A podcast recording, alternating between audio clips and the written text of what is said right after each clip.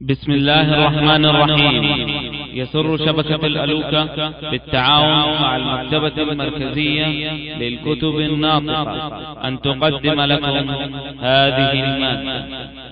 موارد الظمآن لدروس الزمان الجزء الثاني. فانتبه أو فانتبه يا من زين له سوء عمله فأتى بكفار خدامين أو سواقين أو خياطين أو طباخين وأمينهم على محارمه وهم أعداء الله ورسوله والمؤمنين. هذا والعياذ بالله إجرام عظيم ومحاربة لله ورسوله والمؤمنين ونشر للفساد في البلاد الإسلامية. فكيف بمن يذهب إلى بلاد الكفر ويجلس معهم ويأكل ويشرب ويتبادل معهم الكلام بلين وبشر وينام ويصحو ويقوم ويقعد وهو بينهم في تقلباته وحركاته وسكناته.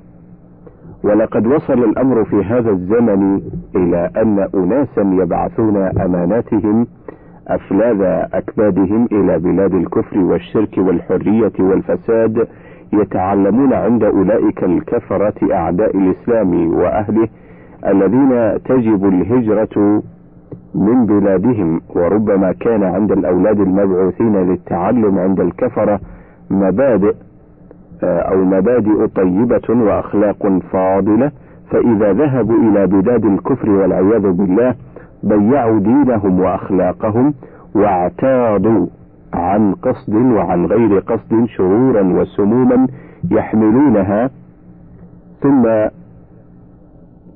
يأتون بها فينفثونها بين المسلمين ثم يعدون أقرانهم ويزينون لهم طريقتهم فيهلكون ويهلكون فيهلكون ويهلكون ولا أدري ماذا عند مضيع هذه الأمانة من الجواب.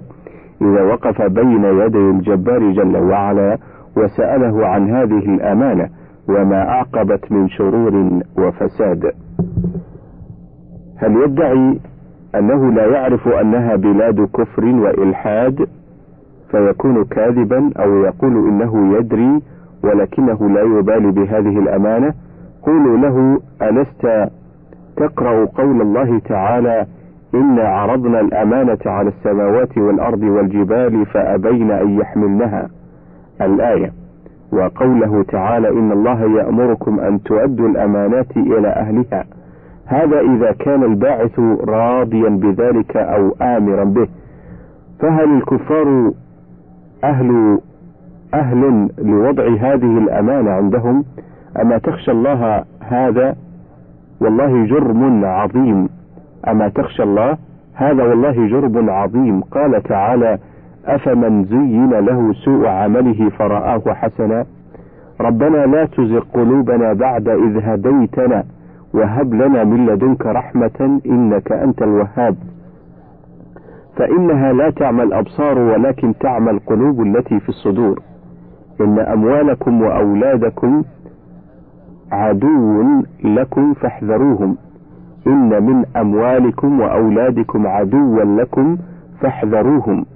والشيء الذي يضحك الإنسان من جهة ويبكيه من جهة هو أنه ربما يكون المرسلون من الذين يعدون يعدون أو يعدون طاهرة قلوبهم ولكن غفلوا عن هذه المسألة. فلم يسألوا عنها هل يجوز لهم أم لا. ثم الشيء الثاني يأتي أناس آخرون لا يعرفون الولاء والبراء أو يعرفونه ولكن يتساهلون فيأخذون الذي الذي جاءوا فيأخذون الذين جاءوا من بلاد الكفر يحملون شهاداتهم بالدوائر والولائم وهذا والعياذ بالله تشجيعا على المعاصي وحثا عليها وإغراء بها. وهذا والعياذ بالله تشجيع على المعاصي وحث عليها وإغراء بها نسأل الله العافية. لأن الواجب هجرهم والابتعاد عنهم ولو كانوا آباءهم أو أبناءهم أو إخوانهم كما هو المعهود في الزمن البعيد والقريب في من جاء من البلاد التي مستعمرة للكفرة يهجر لا يكلم ولا يدعى ولا تجاب دعوته. عند المتمسكين بالدين تماما الصداعين بالحق المخلصين لله الناصحين لله ولكتابه ولرسوله ولولاة المسلمين. ولكن يا للأسف ذهب الناس وبقي النسناس الذين لا يعرفون الولاء والبراء إلا فيما يتعلق بحطام, بحطام الدنيا. فما الناس بالناس الذين عاهدتهم فما الناس بالناس الذين عهدتهم ولا الدار بالدار التي كنت تعرف. وقال آخر على رب نصح يغلق الباب دونه وغش إلى جنب السرير يقرب.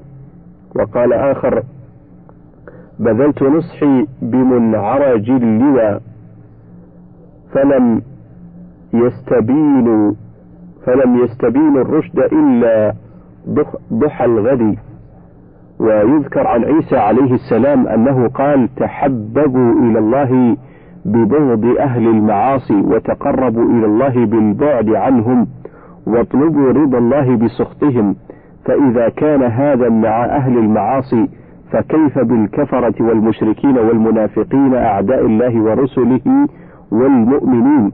وقد أجاب أبناء شيخ الإسلام محمد بن عبد الوهاب لما سئلوا عن السفر إلى بلاد المشركين للتجارة بما حاصله أنه يحرم السفر إلى بلاد المشركين إلا إذا كان المسلم قويا له منعة يقدر على إظهار دينه وإظهار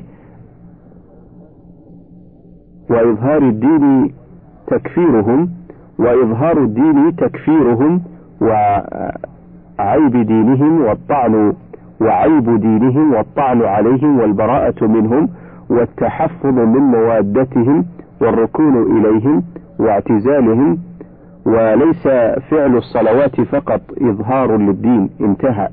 نسأل الله السلامة والعافية. فيا أيها المعافى احمد ربك حمدا كثيرا طيبا مباركا وأكثر من قولي ربنا لا تزغ قلوبنا بعد إذ هديتنا. وهب لنا من لدنك رحمة إنك أنت الوهاب ومن قولي يا مقلب القلوب ثبت قلوبنا على دينك ويا مصرف القلوب أصرف قلوبنا إلى طاعتك.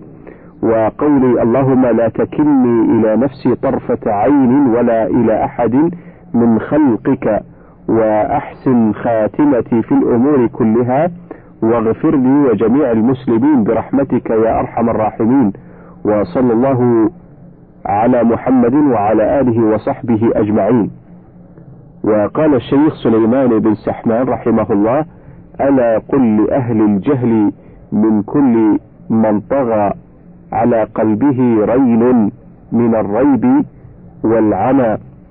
لعمري لقد أخطأتم إذ سلكتم طريقة طريقة جهل غيها قد تجهل أيحسب أهل الجهل لما تعسفوا وجاءوا من العدوان أمرا محرما بأن حمى التوحيد ليس بربعه ولا حصنه من يحميه أن يهدم وظنوا سفاها أن وظنوا سفاها أن خلا فتواثبت تعالب ما كانت تطى في فنا الحمى أيحسب أعمى القلب أن حماته غفاة فما كانوا غفاة ولوما؟ فإن كان فدم جاهل ذو غباوة رأى سفها من, رأي من رأيه أن تكلم بقول من الجهل المركب خاله صوابا وقد قال المقال المذمما سنكشف بالبرهان غيهب جهله. ويعلم حقا أنه قد توهم ونظهر من عوراته كل كامن ليعلم ليعلم أن قد جاء إفكا ومأثما رويدا فأهل الحق ويحك في الحمى وقد فوقوا نحو المعادين أسهما. وتلك من الآيات والسنن التي هي النور إن جن الظلام وأجهما. فيا من رأى نهج الضلالة نيرا ومهيع أهل الحق والدين مظلما لعمري لقد أخطأت رشدك فأت إذ لعمري لقد أخطأت رشدك فاتئد وراجع لما قد كان أقوى وأقوما من المنهج الأسنى الذي ضاء نوره ودع طرقا تفضي إلى الكفر والعمى وملة إبراهيم فاسلك طريقها وعاد الذي عاداه إن كنت مسلما ووال الذي والى وإياك أن تكن سفيها فتحظى. بالهوان وتندم أفي الدين يا هذا مساكنة العدا بدار بها الكفر بدار بها الكفر ادلهم وأجهما وأنت بدار الكفر لست بمظهر لدينك بين الناس جهرا ومعلما. بأي كتاب أم بأية آية أخذت على هذا دليلا مسلما؟ وإن الذي لا يظهر الدين جهرة أبحت له هذا المقام المحرما وإن الذي لا يظهر الدين جهرة أبحت له هذا المقام المحرما إذا صام أو صلى وقد كان مبغضا وبالقلب قد عاد ذوي الكفر والعمى ثكلتك ثكلتك هل حدثت نفسك مرة بملة إبراهيم أو كنت معدما؟ ففي الترمذي أن النبي محمدا بريء من المرء الذي كان بريء, بريء من المرء الذي كان مسلما يقيم بدار يقيم بدار بدار أظهر بدار أظهر الكفر أهلها. فيا ويح من قد كان أعمى وأبكما أما جاء آيات تدل بأنه إذا لم يهاجر مستطيع فإنما جهنم مأواه وساءت مصيره سوى عاجز مستضعف كان معدما فهل عندكم علم وبرهان حجة فحي فحيا هلا هاتوا الجواب المحتمى ولن تستطيعوا أن تجيئوا بحجة لتدفع نصا ثابتا جاء محكما ولكنما الأهواء تهوي بأهلها فويل لمن ألوت به ما تألم. ألا فأفيقوا وارجعوا وتندموا وفيئوا فإن الرشد أولى من العمى وظني بأن الحب لله والولى عليه تولى عنكم بل تصرما.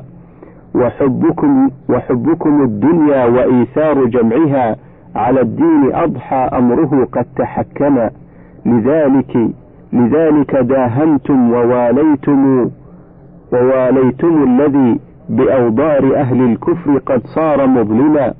وجوزتم من من جهلكم لمسافر إقامته بين الغواة تحكما. بغير دليل قاطع بل بجهلكم وتلبيس أفاك أراد التهكما. وقد قلت وقد قلتم وقد قلتم في الشيخ من شاع فضله وأنجد في كل الفنون وأتهما إمام الهدى عبد اللطيف أخي التقى فقلتم من العدوان قولا محرما. مقالة فدم جاهل متكلف يرى أنه كفوا فقال من العمى. ينفر ينفر بل قد قلتم من, من غبائكم. يشدد أو قلتم أشد وأعظم وليس يضر السحب في الجو نابح وهل كان إلا بالإغاثة قد هما فيدعو له من كان يحيا بصوبه. وينجيه من كان أعمى وأبكما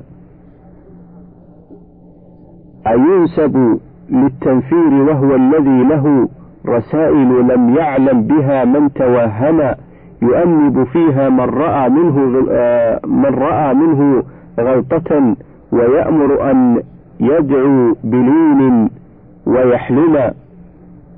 وينسب للتشديد إذ كان قد حمى حمى الملة السمحاء ألا تهدم وغار عليها من أناس ترخصوا وقد جهلوا وقد جهلوا الأمر الخطير المحرم فلو كنتم أعلى وأفضل رتبة وأزكى وأتقى أو أجل وأعلم يشار إليكم بالأصابع أو لكم من العلم ما فقتم به من تقدم لكن عذرناكم وقلنا أئمة لكن عذرناكم وقلنا أئمة جهابذة أحرى وأدرى وأفهما ولكنكم من سائر الناس ما لكم من العلم ما فقتم به من تعلم ومن أصغر الطلاب للعلم بل لكم مزية جهل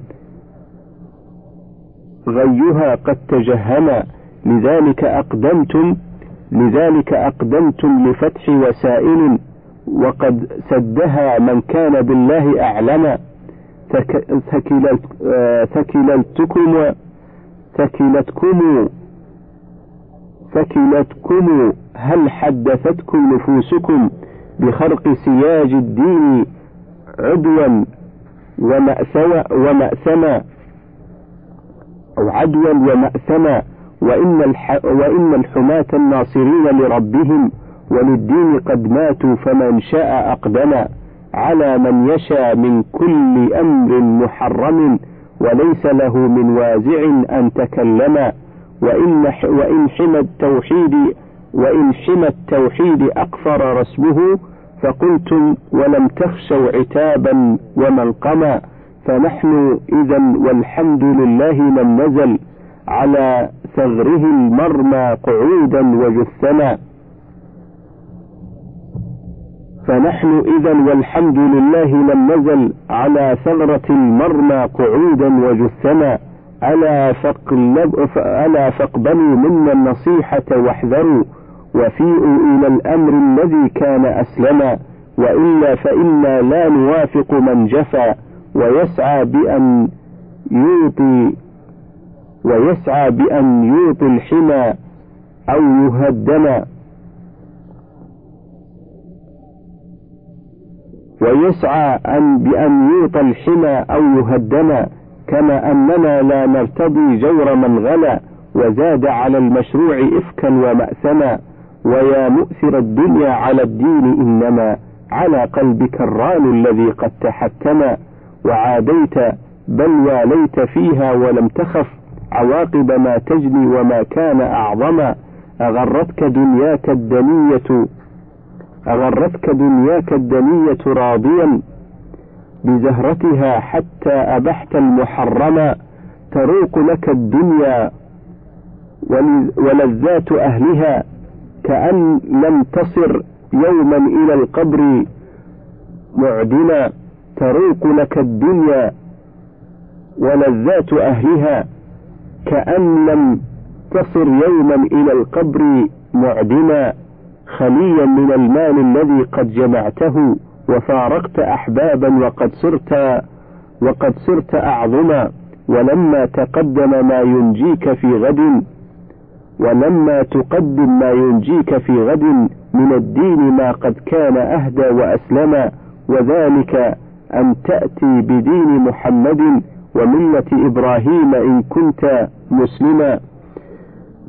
توالي على هذا وترجو بحبهم رضا الملك العلام إذ كان أعظما وتبغض من عاد وترجو ببغضهم من الله إحسانا وجودا ومغنما فهذا الذي نرضى لكل موحد ونكره أسبابا ترده جهنما وصل و وصل إلهي ما تألق بارق على المصطفى من كان بالله أعلم وآل وأصحاب ومن كان تابعا وتابعهم ما دامت الأرض والسماء. موعظة.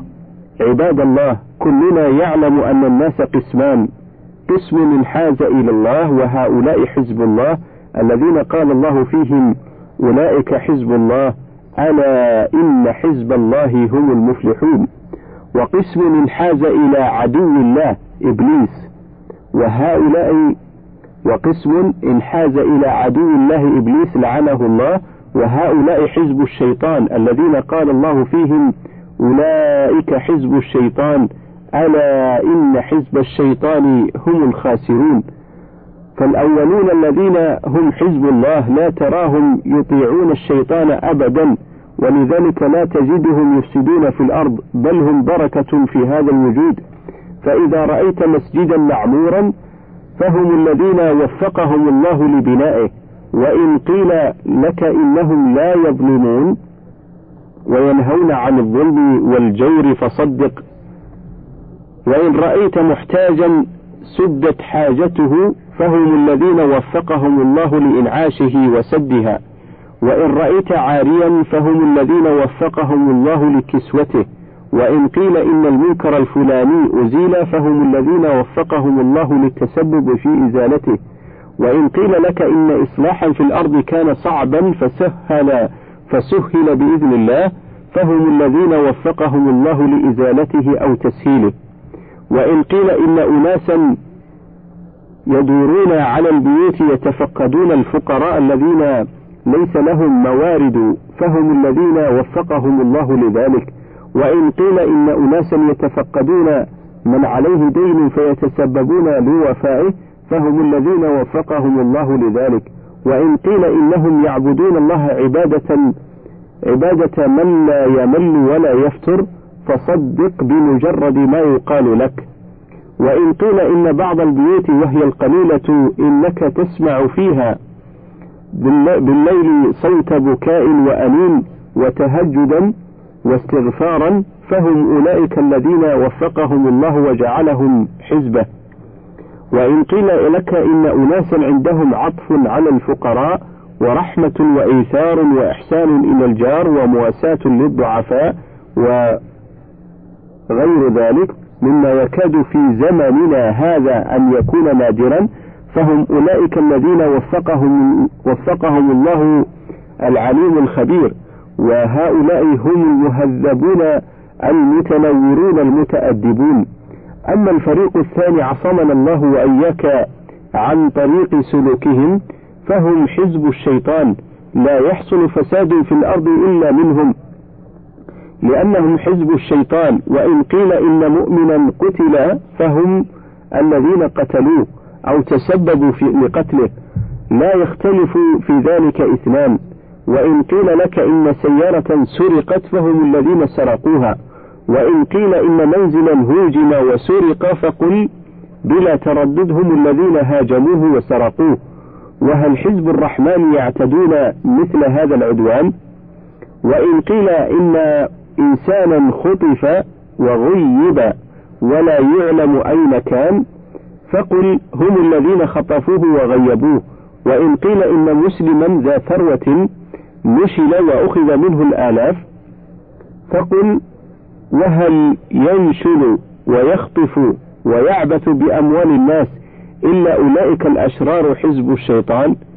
حزب الله الموفقون الكمل بعيدون عن المعاصي جدا فلا ترى الواحد منهم يتعمد الجلوس في الطرق ويداوم المرور فيها لمطاردة النساء ومغازلتهن ولا تراه يركب ولا تراه يركب النساء بلا محرم ولا يدخلها لتشتري أو يفصل عليها وليس معها محرم ولا تجده يبيع صور ذوات الأرواح ولا يصورها ولا يبيع البدع المنكرات ولا يجلس عندها وهي البدع المحرمة التي حدثت في زمننا مثل التلفزيون والسينما والمذياع والكرة والورق والبكم والدخان والفيديو ونحو المنكرات التي قضت على الغيرة والمروءة والشيمة والرجولة. ولا يغش المسلمين ولا يكون ذا وجهين يتكلم عند هؤلاء بوجه وعند الآخرين بوجه ولا ينافق ولا يوقع بريئا في مأزق ولا يشهد بالزور ولا يحضر عند المنكرات. بل تراهم في مجالس الذكر يدورون حول ما يقربهم إلى الله. ولا تراهم يركنون إلى أعداء الله ولا الفسقة ولا يعظمونهم ولا يتملقون لهم ويضحكون معهم كما يفعله السد السذج الذين لا يعرفون الولاء والبراء. ولا تنشرح صدورهم ولا تهتز عواطفهم ولا تستريح قلوبهم ولا يهدأ بالهم ولا يسكن قلقهم إلا إذا زاحموهم وجالسوهم ومازحوهم وعظموهم ممن نسوا الله فأنساهم أنفسهم والتهوا عما هم إليه صائرون فلم يحسبوا له حسابا. قال تعالى ولا تطع من أغفلنا قلبه عن ذكرنا واتبع هواه وكان أمره فرطا. وقال تعالى فأعرض عمن تولى عن ذكرنا ولم يرد إلا الحياة الدنيا ذلك مبلغهم من العلم. وقال تعالى أفرأيت من اتخذ إلهه هواه وأضله الله عن علم. الآية فالذي ينبغي أن يتبع ويقتدى به من تمسك بكتاب الله وامتلأ قلبه بمحبة الله وفاض ذلك على لسانه فلهج بذكر الله ودعا إلى الله واتبع مراضيه فقدمها على هواه وحفظ وقته في طاعة الله بعيدا عن أذية المسلمين لا يقابل الإساءة بمثلها بل يدفع بالتي هي أحسن وهذا حقا هو المهذب المتنور. قال بعضهم وأحب كل مهذب لو أنه لو أنه خصمي وأرحم كل غير مهذب. يأبى فؤادي أن يميل إلى الأذى حب الأذية من طباع العقرب. لي إن أردت مساءة لي إن أردت مساءة بمساءة لو أنني أرضى ببرق خلبي. حسب المسيء شعوره ومقاله في سره يا ليتني لم أذنبي اللهم خفف عنا الأوزار وارزقنا عيشة الأبرار واصرف عنا شر الأشرار واعتق رقابنا ورقاب آبائنا وأمهاتنا من النار. يا عزيز يا غفار يا كريم ويا ستار يا حليم يا جبار اغفر لنا ولوالدينا وجميع المسلمين برحمتك يا أرحم الراحمين. وصلى الله على محمد وعلى آله وصحبه أجمعين. فصل. وجاء في تفسير قوله تعالى لا تجد قوما يؤمنون بالله واليوم الآخر يوادون من حاد الله ورسوله ولو كانوا ولو كانوا آباءهم أو أبناءهم أو إخوانهم أو عشيرتهم أولئك كتب في قلوبهم الإيمان وأيدهم بروح منه. الآية. جاء أنها نزلت في أبي عبيدة وإليك القصة مسوقة بأكملها. أبو عبيدة ابن الجراح رضي الله عنه كان صحابيا جليلا وبطلا عظيما من أبطال الإسلام من المجاهدين. حرص أبوه عبد الله على قتله في أول لقاء لأن أبا عبيدة رضي الله عنه ترك دين أبيه واعتنق الإسلام وتخلف عن قافلة قريش والتحق بقافلة محمد بن عبد الله عليه الصلاة والسلام مؤمنا بدينه مصدقا برسالته. تصدى عبد الله لابنه محاولا قتله في غزوة بدر ولكن الابن أبعد عنه وحول سيفه عن أبيه وانطلق إلى فئة أخرى غير التي فيها أبوه يقاتلها ويجاهدها وافترق الرجلان ولكن الأب بحث عن ابنه حتى التقى به مرة ثانية. ورفع سيفه عليه ووجهه إليه ضربة ووجه إليه ضربة قاضية استقبلها أبو عبيدة بحركة خفيفة جعلتها تهوي في الفضاء ولكن الأب مصمم على أن لا يفلت الابن مهما كلفه ذلك من غالي الثمن. فبحث عن ابنه هنا وهناك ونقب عنه في كل مكان حتى التقى, حتى التقى به مرة ثالثة. ورفع الرجل سيفه ليوجه إلى ابنه ضربة قاضية مميتة يشفي كلوب قلبه. وتهدأ بها نفسه الثائرة على ابنه الصابئ وهنا نظر أبو عبيدة أن أباه يعترض ويتصدى له. وفي اعتراضه هذا اعتراض للإسلام. فما أبو, فما أبو عبيدة إلا جندي من الجنود القائمين بنصر الإسلام. وأن في تصديه له سدا بينه وبين إقامة دين الرحمن وانتشار كلمة الله في الأرض. فهل يصمت أبو عبيدة على هذا؟ وهل يسكت على من يحول بين دعوة الله؟ أن تقوم في الأرض وأن تنشر بين الناس كلا لقد أدى ما عليه نحو أبيه وأعرض عنه مرتين ولكن ما دام أبوه يحرص على هذه الصورة فليكن هو أسبق من أبيه في حرصه على قتله.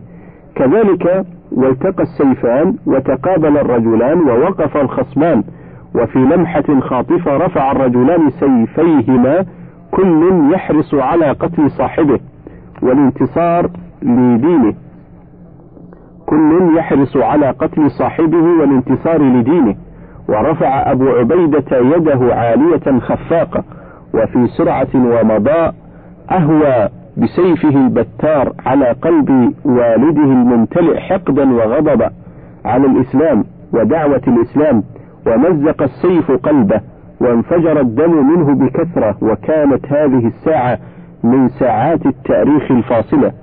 هذا من آثار الحب في الله والبغض في الله وهذا الواجب على كل مسلم أن تكون أعماله كلها منطبقة على ما تأمر به الشريعة المطهرة. فيحب من الناس من نهج الطريق المستقيم. ويبتعد عن من حاد عن عن الطريق المستقيم ولو كان أقرب قريب. ومن اتبع هذه الطريقة انطبع في قلبه حب الكمال والإيمان فيكون عدو الله في نظره عدوا وحينئذ يرى أن أعظم الناس قيمة أهل الإخلاص والطاعة وأحطهم منزلة أهل المعاصي والشناعة والفساد في الأرض. وكذلك كان شأن المصطفى صلى الله عليه وسلم وشأن أصحابه رضي الله عنهم يحبون في الله ويبغضون في الله يوادون الطائعين وإن كانوا بعداء ويعادون العاصين وإن كانوا أقرباء. فرابطة التقوى عندهم أشد وأقوى من رابطة النسب والقرابة. وعن البراء بن عازب قال أوثق عرى الإيمان الحب في الله والبغض في الله. وفي حديث مرفوع اللهم لا تجعل لفاجر عندي يدا ولا نعمة فيؤيده قلبي فإني وجدت فيما أوحي إلي. لا تجد قوما يؤمنون بالله واليوم الآخر يوادون من حاد الله ورسوله. رواه ابن مردويه وغيره. المعنى الآية بلفظ الخبر والمراد بها الإنشاء أي لا تجد قوما يجمعون بين الإيمان بالله واليوم الآخر والمحبة والموالاة لأعداء الله ورسوله. فلا يكون المؤمن بالله واليوم الآخر حقيقة إلا كان عاملا على مقتضى إيمانه ولوازمه من محبة من قام بالإيمان من قام بالإيمان. وبغض من لم يقم به ومعاداته. ولو كان أقرب الناس إليه. وهذا هو الإيمان على الحقيقة التي وجدت ثمرته ومقصوده. فمن أحب أحدا امتنع أن يوالي عدوه. ولقد أصاب المسلمون اليوم من الموالاة. ولقد أصاب المسلمين اليوم من الموالاة لأعداء الله. ولقد أصاب المسلمين اليوم من الموالاة لأعداء الله بلاء شديد فتجد كثيرا من الناس الذين يدعون الإيمان يوالون يوالون أعداء الشرائع الدينية ويعظمونهم ويقدرونهم وينصرونهم على على أبناء جنسهم. ولو كان في هذا ذل لهم ولأمتهم ولدينهم فإنا لله وإنا إليه راجعون. قال في النونية أتحب أعداء الحبيب وتدعي حبا له ما ذاك في إمكاني وكذا تعادي جاهدا أحبابه؟ أين المحبة يا أخ الشيطان؟ ليس العبادة غير توحيد. ليس العبادة غير توحيد غير توحيد المحبة مع خضوع مع خضوع القلب والأركان والحب والحب نفس وفاقه فيما يحب وبغض ما لا يرتضي بجنان والحب نفس وفاقه فيما يحب وبغض ما لا يرتضي بجنان. اللهم طهر قلوبنا من النفاق وعملنا من الرياء وألسنتنا من الكذب وأعيننا من الخيانة وآذننا من الاستماع إلى ما لا يرضيك وتوفنا مسلمين وألحقنا بالصالحين واغفر لنا ولوالدينا وجميع المسلمين برحمتك يا أرحم الراحمين وصلى الله على محمد وآله وصحبه أجمعين. فصل. وعن أبي ذر مرفوعا أفضل الأعمال الحب في الله والبغض في الله رواه أبو داود. وفي الصحيحين المرء مع من أحب وعن علي مرفوعا لا يحب رجل قوما إلا حشر معهم رواه الطبراني بإسناد جيد. وقد روى الإمام أحمد معناه عن عائشة بإسناد جيد أيضا عنها مرفوعا الشرك أخفى من دبيب الذر على الصفاء في الليلة الظلماء وأدناه أن تحب على شيء من الجور أو تبغض على شيء من العدل. وهل الدين إلا الحب في الله والبغض في الله؟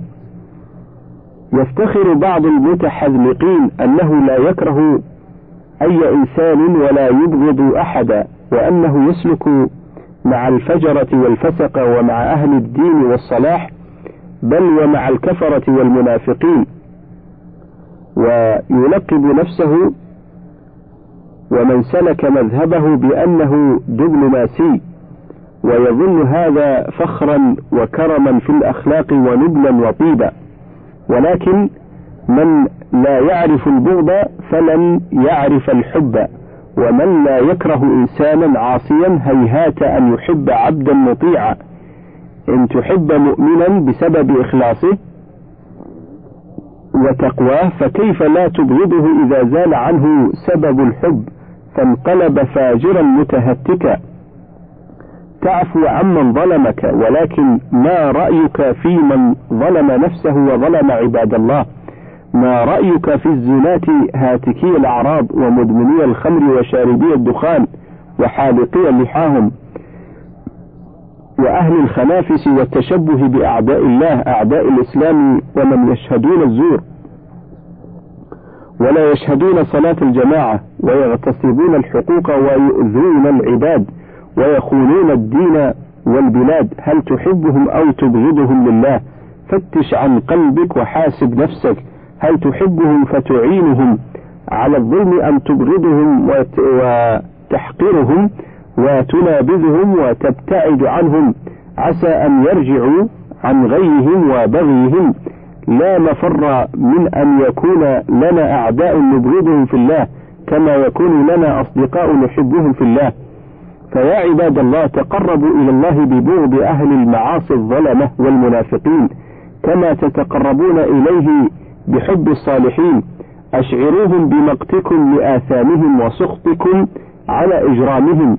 لا تتسامحوا في من يمس الدين ولا تصفحون ولا تصفحوا عمن يحارب رب العالمين ولو كان أقرب قريب. قال, جل قال الله جل وعلا لأشرف الخلق ولولا أن ثبتناك لقد كدت تركن إليهم شيئا قليلا.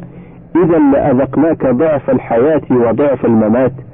أي لو ملت إليهم لأذقناك ضعف عذاب الحياة وضعف عذاب الممات. أي ضاعفنا عليك العذاب في الدنيا والآخرة. لأن الذنب من العظيم يكون يكون عقابه أشد من غيره.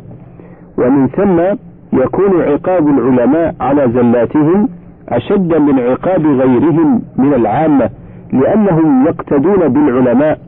روي عن قتادة أنه قال لما نزل قوله تعالى وإن كادوا ليفتنون ليفتنونك عن الذي أوحينا إليه. وإن كادوا ليفتنونك عن الذي أوحينا إليك إلى آخره. قال صلى الله عليه وسلم اللهم لا تكلني إلى نفسي طرفة عين. فينبغي للمؤمن أن يتدبر هذه الآية ويستشعر الخشية ويسأل الله أن يثبته ويستمسك بأهداب دينه ويكثر من قول يا مقلب القلوب ثبت قلبي على دينك. ويقول كما قال صلى الله عليه وسلم اللهم لا تكلني إلى نفسي طرفة عين. فإذا كان هذا الخطاب لأشرف الخلق فكيف بغيره؟ وقال تعالى آمرا رسوله صلى الله عليه وسلم بالإعراض عمن تولى وأعرض عن الذكر الحكيم والقرآن العظيم فأعرض عمن تولى عن ذكرنا ولم يرد إلا الحياة الدنيا ذلك مبلغهم من العلم. وعلى العكس من أقبل على كتاب الله ووقره وقدره وأحبه واتبعه ودعا إليه. نسأل الله العظيم أن يغرس محبته في قلوبنا ويرزقنا تلاوته والعمل به. من فضلك تابع بقية المادة.